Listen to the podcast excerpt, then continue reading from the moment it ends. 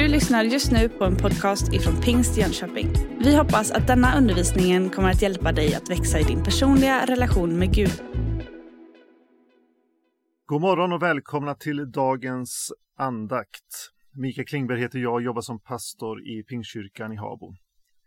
Denna morgon vill jag fortsätta med att vi tittar på bönen Vår Fader som vi började med igår.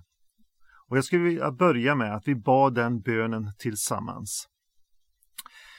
Vår Fader, du som är i himlen. Låt ditt namn bli helgat. Låt ditt rike komma. Låt din vilja ske på jorden så som i himmelen. Ge oss idag det bröd vi behöver och förlåt oss våra skulder liksom vi har förlåtit dem som står i skuld till oss. Och utsätt oss inte för prövning utan rädda oss från det onda. Ditt är riket, din är makten och äran i evighet. Amen.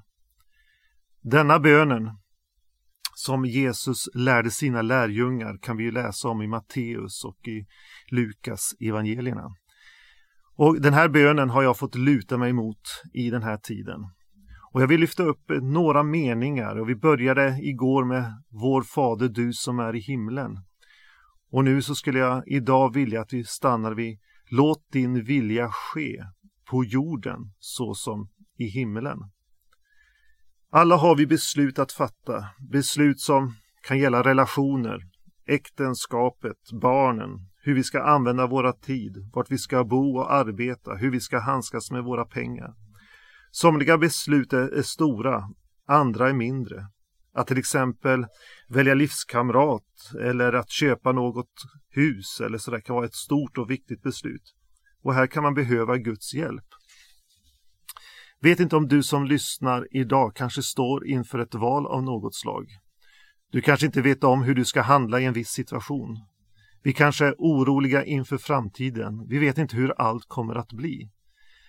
Men den här bönen vill påminna oss om att det finns någon som vill och kan hjälpa oss. Några saker som man kan konstatera när man ber den här bönen Låt din vilja ske på jorden så som i himlen. Det är att Gud, han vill leda oss idag. Det är en bön efter Guds hjärta. Gud är inte långt borta. Det är inte jobbigt för honom, utan han vill. I Bibeln så kan vi se att han har lovat att leda dem som går tillsammans med honom.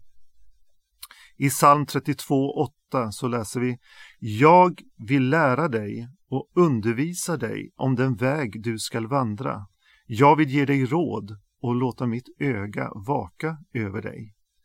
Gud vill hjälpa oss att navigera i denna många gånger svåra värld.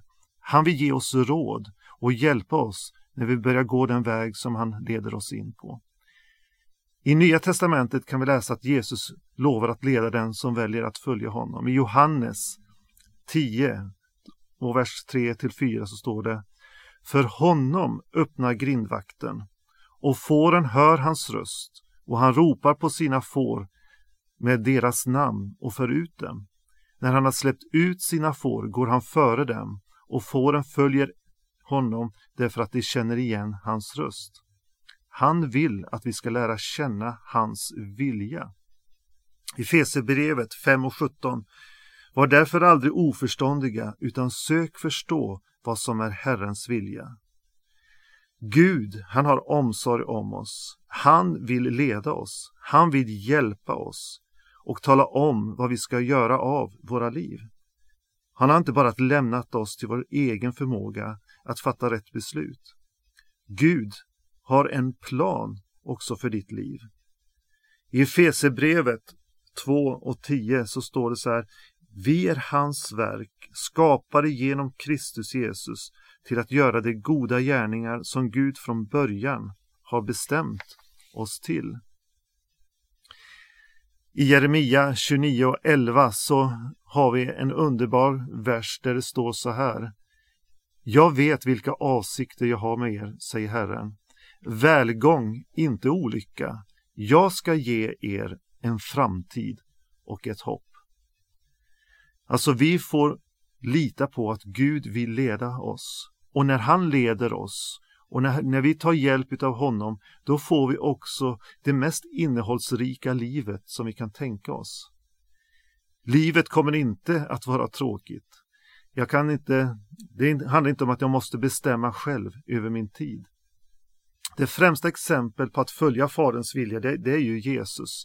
Han var ju ledd av anden och han gjorde bara det han såg sin fader göra.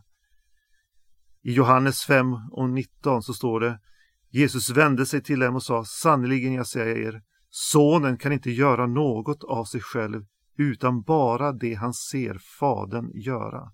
Vad Fadern gör, det gör också Sonen. Och i Hebreerbrevet 5 och 7 så kan vi läsa om Jesu bön och hans relation med Fadern. Det står så här under sitt liv på jorden uppsände han med höga rop och tårar enträgna böner till den som kunde rädda honom från döden. Och han blev bönhörd därför att han böjde sig under Guds vilja.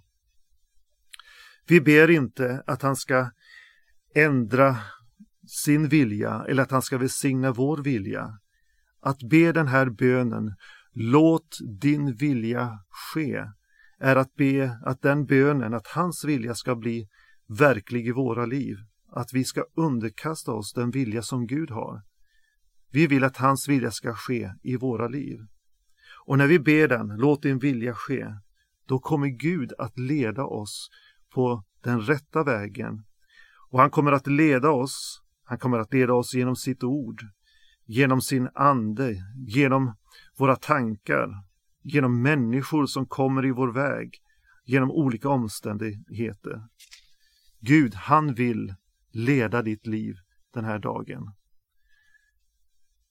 Och när vi gör det, då kommer vi också att få det som vi behöver. Sök Guds vilja. I Matteus 6 och 33 så står det Sök först hans rike och hans rättfärdighet så ska ni få allt det andra också.